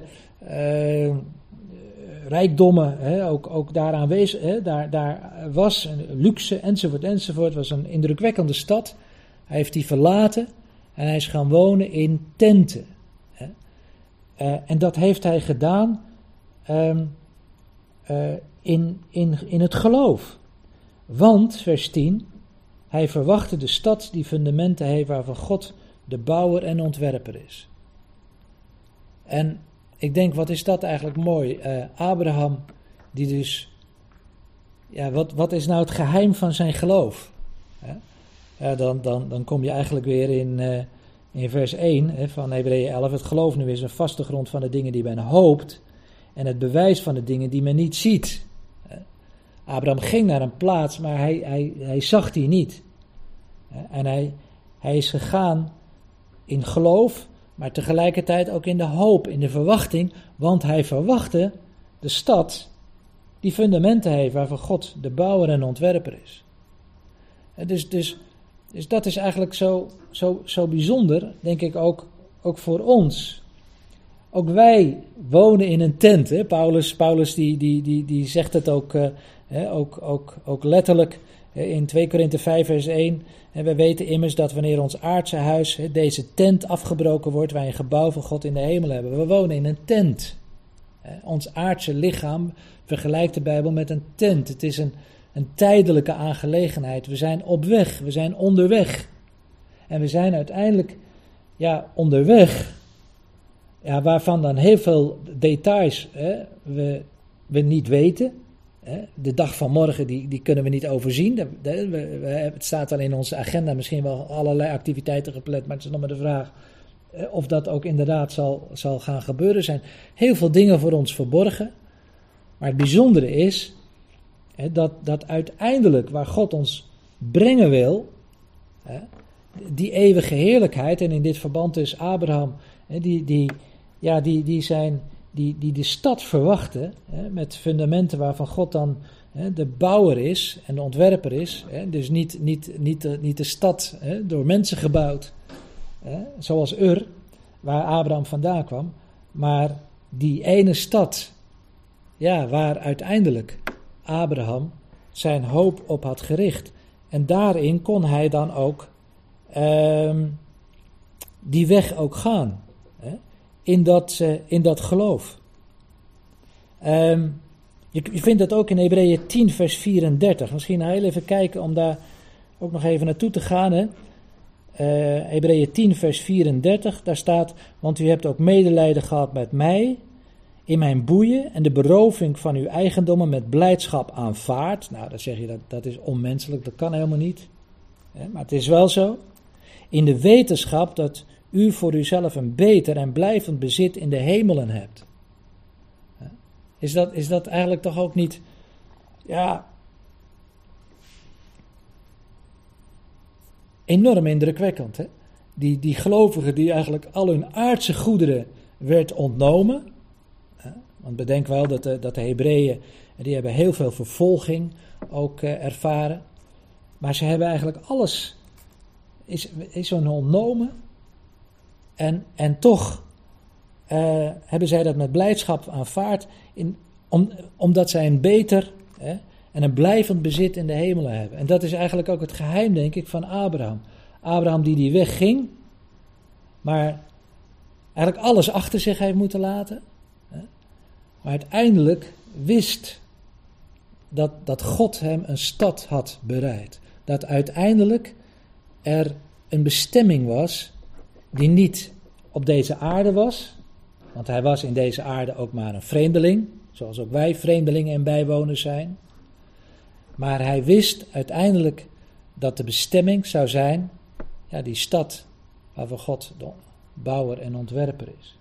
En ik geloof dus dat Abraham zijn hoop was gevestigd op, uh, op het nieuwe Jeruzalem, de stad hè, die straks uit de hemel zal neerdalen. Dus eigenlijk zien we dat Abraham door het geloof, hè, dus, dus God heeft hem dat geopenbaard. Hè, Abraham hè, heeft ook mijn dag gezien, zegt de Heer Jezus. Hij heeft dus eigenlijk zo ver mogen, zo ver mogen reiken met, zijn, met, zijn, met, met, met, met wat hij voor ogen had. Hè, dat hij, wist, uiteindelijk zou die stad de plaats zijn waar hij zou komen, waar hij de eeuwigheid zou doorbrengen.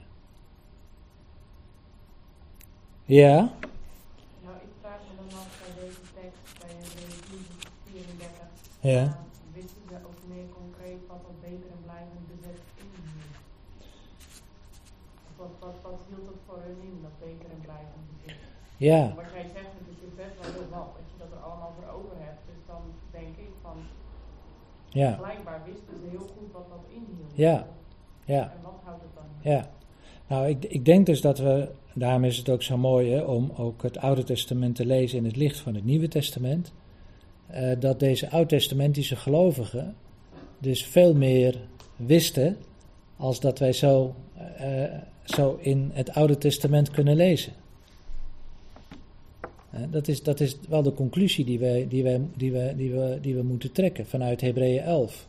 Dus dat de Heere hen veel meer had bekendgemaakt dan, dan dat wij met, uh, uit, met uitsluitend de kennis van het Oude Testament uh, daaruit kunnen opmaken.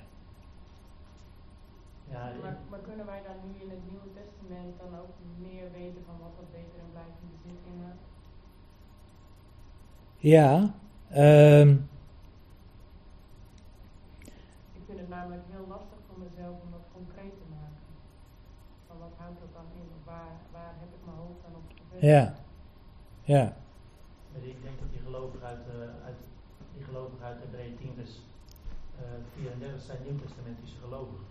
Het zijn wel Hebreeën, maar het zijn wel nieuwtestamentische geloven. En dat, dat wij beter en blijvend bezit, dat hebben ze geleerd van degene die die brief schrijft.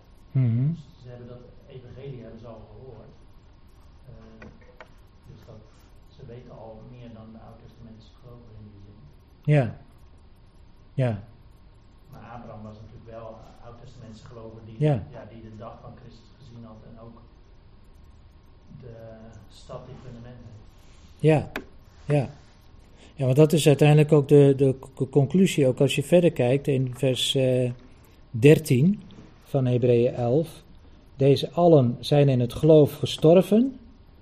Zij hebben de vervulling van de belofte niet verkregen, maar hebben die vanuit de verte gezien en geloofd en begroet.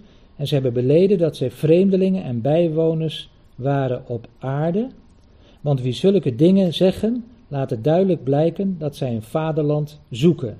En dan vers 15, als zij aan het vaderland gedacht hadden van waaruit zij weggegaan waren, en dat gaat hier natuurlijk eh, eh, specifiek om Abraham, eh, Isaac en Jacob, eh, zouden zij gelegenheid gehad hebben om terug te keren. Vers 16, maar nu verlangen zij naar een beter, dat is naar een hemels vaderland. En daarom schaamt God zich niet voor hen om hun God te noemen, want hij had voor hen een stad gereed gemaakt. Eh, Dus, dus heel duidelijk dus die, die nadruk op die stad die de Heere hen eh, ja, in het vooruitzicht had gesteld. En, en, en dat, dat, dat, was, ja, dat, dat was hun hoop, dat was hun, hun toekomst. En ik, ja, want, want het aardse, hè, dat, dat vergaat, maar het hemelse is eeuwig.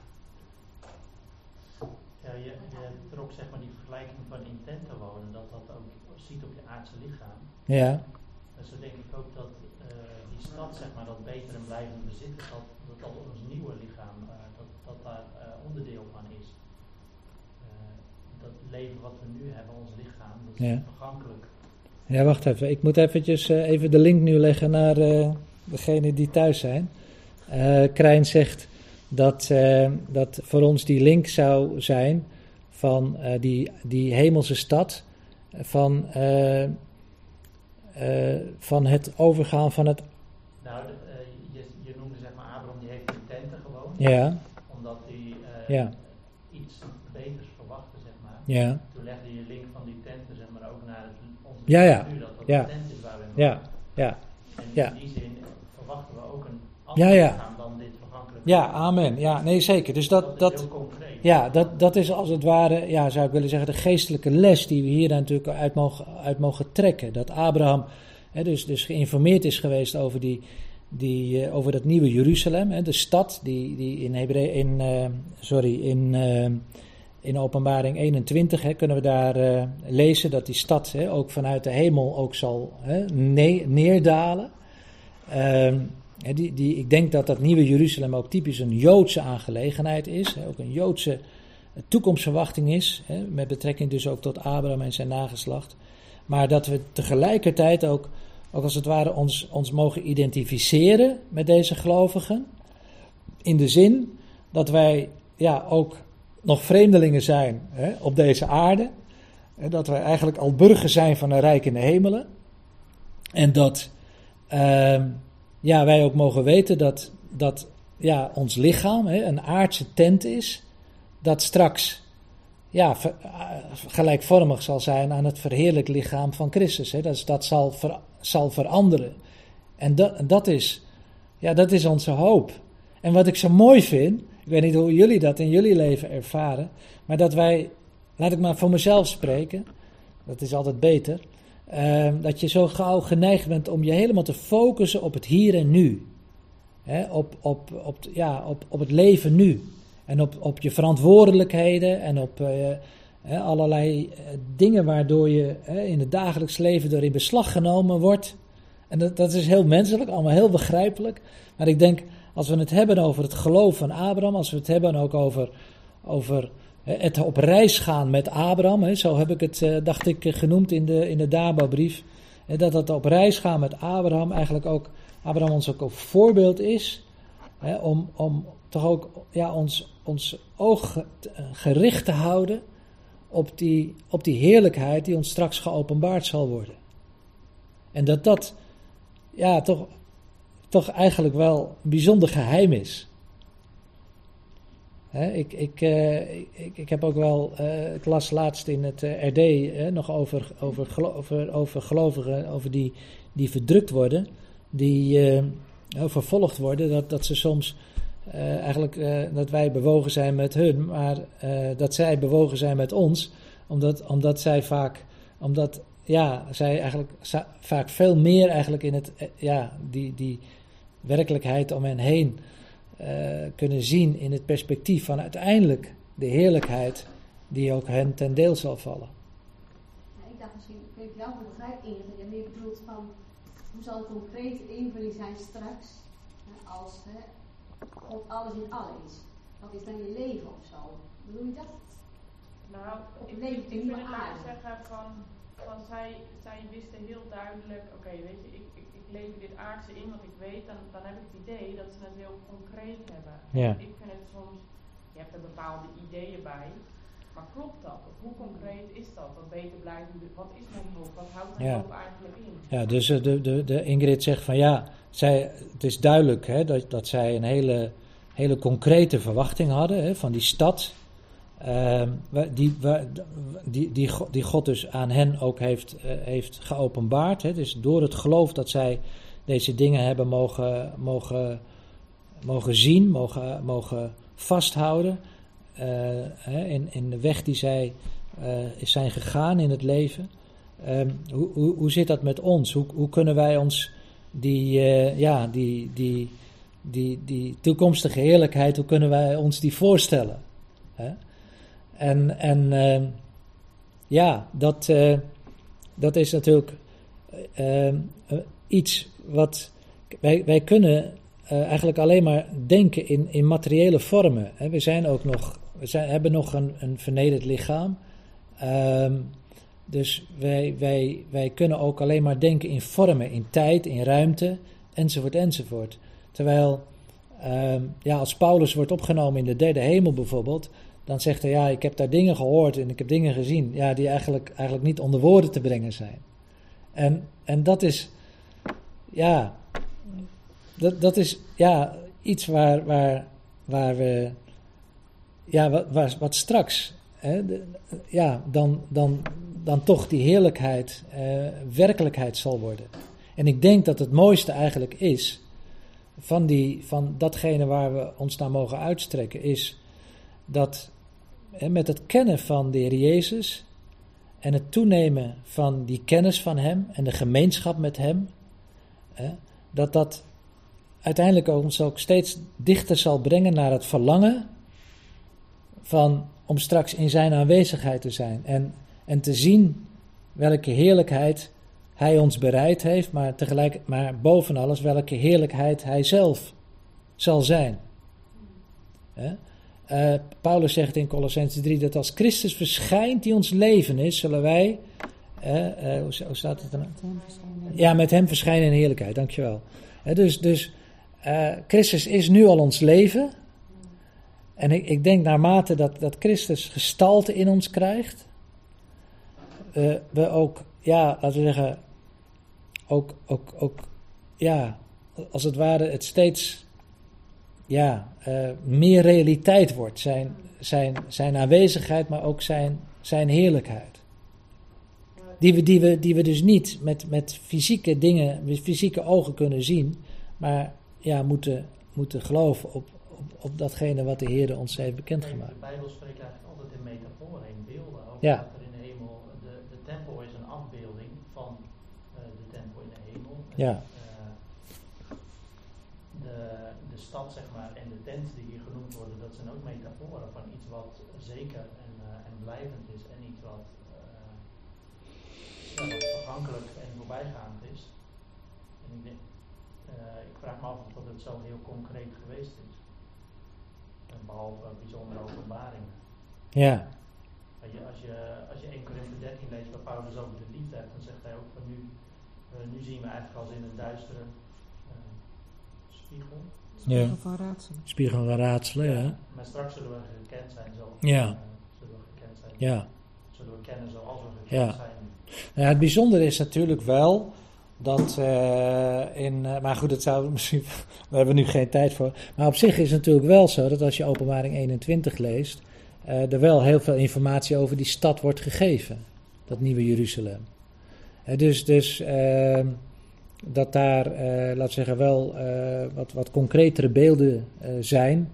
hè, dan, dan wat wij zo denken. Dat, dat denk ik wel. Er wordt gesproken over die. Als je er meer grip op krijgt, dan, dan helpt het mij. Tenminste, voor mij altijd. Als ik, als ik er niet echt grip op heb, vind ik het ook lastig om me erop te richten.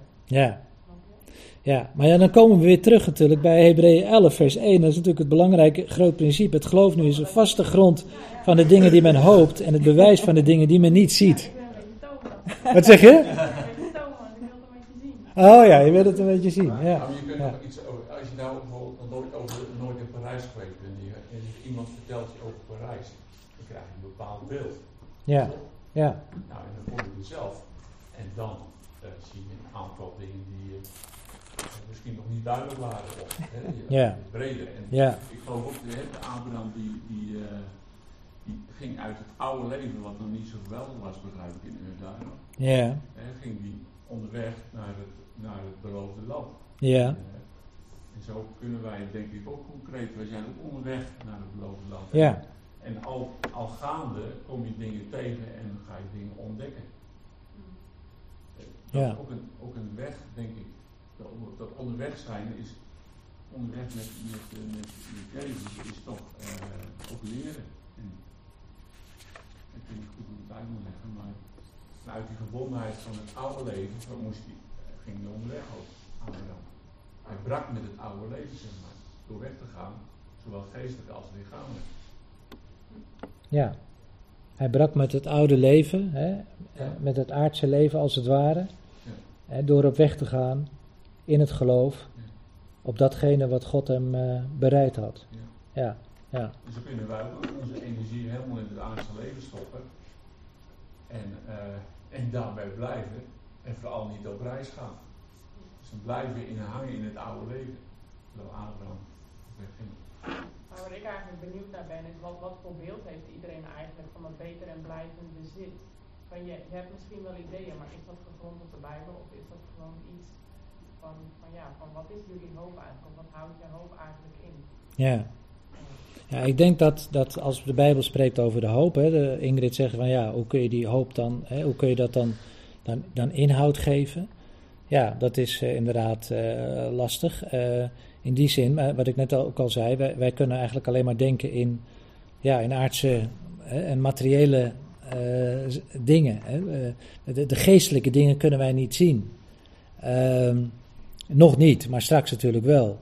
En daarvoor hebben we natuurlijk ook een eh, een verheerlijkt lichaam nodig. Hè, om ook straks die heerlijkheid eh, te, kunnen, te kunnen aanschouwen. Je ziet maar ik denk dat, dat de hoop, ja, de hoop der heerlijkheid is een persoon, is de Jezus Christus. En ik denk dat, dat ja, net als Henoch, hè, als het ware, wandelde met God. En op een gegeven moment werd, ja, werd, hij, werd hij thuis gehaald. Hij was al zo intiem met God, om zo te zeggen, hè, dat God hem thuis haalde. En, en zo zie ik dat eigenlijk ook met betrekking tot, eh, tot, ja, tot, tot het moment. Dat, dat datgene wat, wat, ja, wat, wat we nu nog niet kunnen aanschouwen, maar wat, wat ons wel is voorzegd. Hè, dat het, het, het zijn met Christus verreweg het beste is, zegt Paulus. Hè. En dan ook met Christus, ik denk dat het altijd gaat om Hem, hè, als persoon. Ehm, dat, dat dat ja, straks.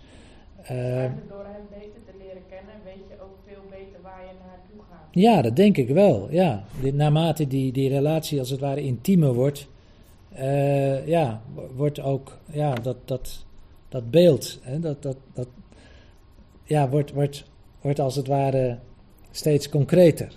Maar dan, dan niet in een, in een materiële eh, zin, maar, maar eigenlijk dus echt ja, door het oog van het geloof, door het vertrouwen. Ja. Maar uh, Romeinen 8, die, uh, die, Romeinen 8 heeft het over, over de schepping, zeg maar, die zucht. Ja. En die wacht op het openbaar worden van de kinderen van God. Ja. om, om verlost te worden van de slavernij. Ja. van de vergankelijkheid. en daarin zie je eigenlijk dat de schepping, die, de schepping zoals die nu is, moet wedergeboren worden tot ja. een nieuwe schepping. Ja. Er zit ook een, uh, nou ja, een continuïteit eigenlijk van deze wereld naar de nieuwe wereld in, waar uh, uh, wat ook onderdeel maar uitmaakt, denk ik, van die, van die, ja, van die nieuwe wereld. Ja. Nou, het is eigenlijk gezegd, ja. we hebben een beter en blijvend bezit in de hemelen, mm -hmm. maar als je goed leest natuurlijk, dan, dan komt dat op aarde. Dus dat bezit is nu in de hemel, maar dat komt eigenlijk uit de hemel uh, naar de aarde toe. Ja, dus, dus, uh, dus Krijn zegt van, uh, van, van straks zal hè, dat, dat hemelse zal naar, naar, naar de aarde komen. De aarde die verlost zal worden van de vergankelijkheid, hè, die, die nu nog op, de, op de schepping drukt. Dat zien we natuurlijk om ons heen. Hij zucht en is in barensnood. Maar dat straks inderdaad die, die, die aarde daar ook van verlost zal zijn. En ik denk dat, dat, dat we dan eigenlijk ons bevinden in het Messiaanse Rijk. Hè? Dus in het Rijk waarin, uh, waarin de Heer Jezus Christus straks hè, zal, op aarde zal regeren. En, en die, die wereld, ook, uh, ook die, die, die dierenwereld, hè, de flora en de fauna, eigenlijk een enorme metamorfose zal ondergaan. Hè? Die dus ook deel zal, zal straks zal krijgen, als het ware, uh, van die, aan, aan die wedergeboorte. Het opmerkelijke is alleen als je leest in, op, in openbaring 21, maar ik zie dat het al vijf over half tien is, maar lees dat eens voor jezelf. Dan gaat het daar over de periode dat de eerste dingen voorbij zijn gegaan. De eerste schepping is voorbij gegaan. En, en daar gaat het over een nieuwe hemel en een nieuwe aarde. En die dus nog veel volmaakter zal zijn dan, uh, dan de aarde gedurende de duizend jaar dat Christus op aarde zal regeren. En hoe, hoe onze positie zal zijn ten opzichte van de aarde. Ik denk dat wij burgers zijn van de Rijk in de hemel. En ik denk zelf dat we dat ook zullen zijn, blijven. Maar hoe, hoe, hoe dat precies vorm zal krijgen. Ja, kijk, het is mooi om alles te weten. Het is aan de andere kant, het zal ook een prachtige verrassing zijn. Als straks de dingen ook openbaar uh, gaan worden. En we dan, uh, ja, uh, zullen gaan aanschouwen zoals God het ja, heeft, heeft gemaakt. Nee? Nee, bijvoorbeeld, het is me uitgelegd als je een Romeins burger niet per se. Ja, ja, ja. Ja. Dus laat maar zeggen dat het, het hemels burger is dat niet, laat maar zeggen dat je dat het hemels, hemels koninkrijk komt ook naar beneden. Dus mm -hmm. nu leven we in een aards koninkrijk, Mhm. maar dan gaat, komt het hemels koninkrijk op aarde. Ja, ja, Dan ben je een hemelburger op aarde. ja, Omdat het, het rijk van de hemelen dan op de aarde is. ja, ja. Nou, je bent eigenlijk, net zoals Abraham eigenlijk al onderdeel was van dat komende rijk, terwijl hij nog eigenlijk in die oude, in, die Ka in Canaan, in dat oude Canaan leefde, was hij al eigenlijk burger van dat nieuwe. Ja. Krijn zegt, eh, Abraham was als het ware, en dat als wij burgers zijn van een rijk in de hemelen, eigenlijk ook al, ook al burger van dat toekomstige rijk, wil je zeggen. Ja, ja, ja, ja, hij was al erfgenaam van het land, Ja. dat nog in handen van de Canaanieten ja, ja, Eh, en dan eh, later eh, krijgt hij het land in bezit. ja. Krijgt hij eigenlijk zijn nakomelingen. Ja, zijn nakomelingen, ja, ja. Dat bewaarplaats is. Dus het is meer Ja, ik, ik, ik denk het zelf niet, maar als, je dat, als jij dat denkt, dan eh, is het prima. Maar ik denk, ik denk zelf dat onze positie altijd zal zijn in de hemelen. Maar wel, dat we, als, als, eh, maar wel vanuit, eh, vanuit een bijzondere positie als lichaam van Christus. Dat is een hele unieke positie die, die we nu hebben. Als, als leden van zijn lichaam. Dus, dus op een bijzondere wijze dus ook deel zullen krijgen aan die heerlijkheid. Maar goed, daar, eh, daar, daar valt nog eh, veel over te zeggen. En ik stel voor dat we het eh, hier even bij laten. Want eh, we komen nu wel eh, op heel veel terreinen. Ja. Ja, ja, ik denk ook van ja, de vraag die komt natuurlijk voort uit dit wat ook al in een tijd geschreven is natuurlijk dat het koninkrijk Ja. op dat moment heel dichtbij was. Zie je ja, het is nog een kleine tijd en dan Hmm. hij. Hmm. En ja, dat stukje verwachting is nu natuurlijk ook in een ander perspectief als op dat moment. Dus Ja. ik denk dat het voor hen in die zin ook veel makkelijker concreet maken was als voor ons. Ja. Ja. Dat Maar ik zit heel even te kijken, want ik vind het. eh, hebben, jullie, hebben jullie hier iets van meegekregen? Want volgens mij zitten jullie wel heel ver nu eh, verwijderd van, eh, van het gesprek. Ik wil daar toch eventjes. Ja, Eh. ik eh, kan het prima volgen. oh, je kan het eh, wel prima volgen. Ook, ook Ja. de, het gesprek wat hier zich het afspeelt. laatste stukje van Rens kon ik niet helemaal, heb ik niet helemaal meegekregen, maar Ja. voor de rest worden er wel hele interessante onderwerpen aangehaald. Ja, ja, zeker. Ja. We zijn nog niet klaar met onze Bijbelstudie. Ja. Nee, nee, we kunnen wel Ja. even doorgaan zo. Ja, ja. Maar goed, om even kort te zeggen, ik, ja, ik- eh, Rens, ik, eh, ik denk inderdaad dat je gelijk hebt dat deze gelovigen uit de Hebreeën ook een, eh, ook een specifieke plaats hebben. hè, en ook, ook Joodse gelovigen waren en ook een specifieke roeping hadden. En die roeping die dus ook heel concreet tot uitdrukking komt, ook in, ja, in, in, in dus die stad waarvan God de ontwerper en bouwmeester is. Ja.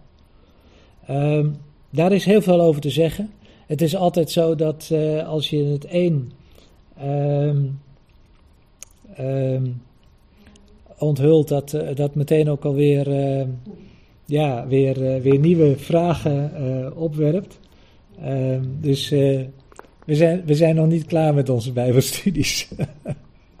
maar goed, in ieder geval jullie allemaal heel hartelijk bedankt. Ik stel voor dat ik nog de Heer ga danken voor, voor deze avond. Nee. Lieve Vader in de hemel, we willen u zo hartelijk danken dat we vanavond met elkaar eh, dit gedeelte mochten eh, onderzoeken vanuit Hebreeën 11.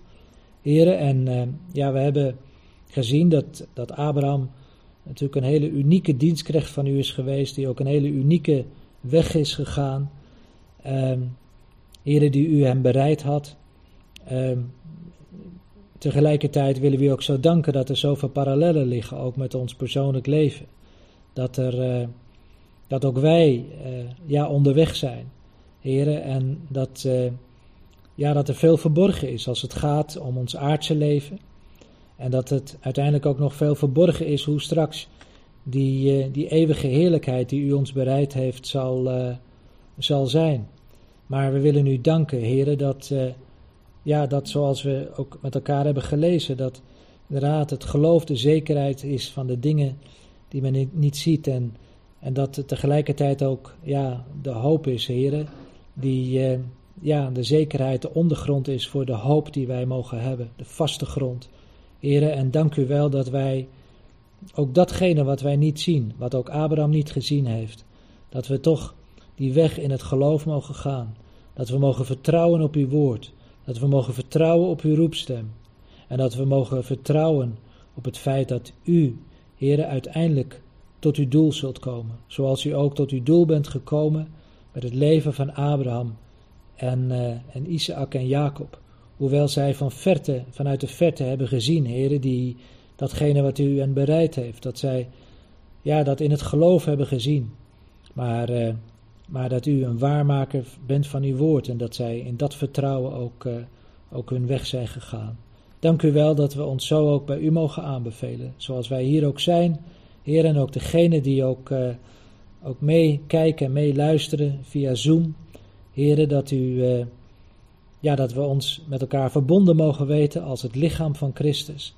Eh, maar tegelijkertijd dat we ook mogen weten, heren, dat we, ja, dat u ook met een ieder van ons uw weg gaat, maar dat we elkaar daarin ook mogen tot steun mogen zijn, mogen bemoedigen, mogen vertroosten, mogen versterken, om elkaar heen mogen staan, heren, om eh, zo die weg te gaan. En dat dat uiteindelijk zal leiden tot, eh, tot, ja, tot verheerlijking van uw naam. Heren, dat eh, als we straks bij u zullen zijn, dat dan ook geopenbaard zal worden. Wat, ja, wat, wat we nu nog door het geloof ja, moeten aanvaarden, maar dan ook zullen zien. Heren, van aangezicht tot aangezicht. En dat we dan ook zullen kennen, zoals we nu reeds door u gekend worden. Dank u daarvoor zo hartelijk en we bidden u dat ook deze studie, Heren, dat u dat zo verder in onze harten en levens ook uitwerkt. tot eer en verheerlijking van uw naam. Dat vragen en bidden wij u zo uit genade en om Jezus weer alleen. Amen.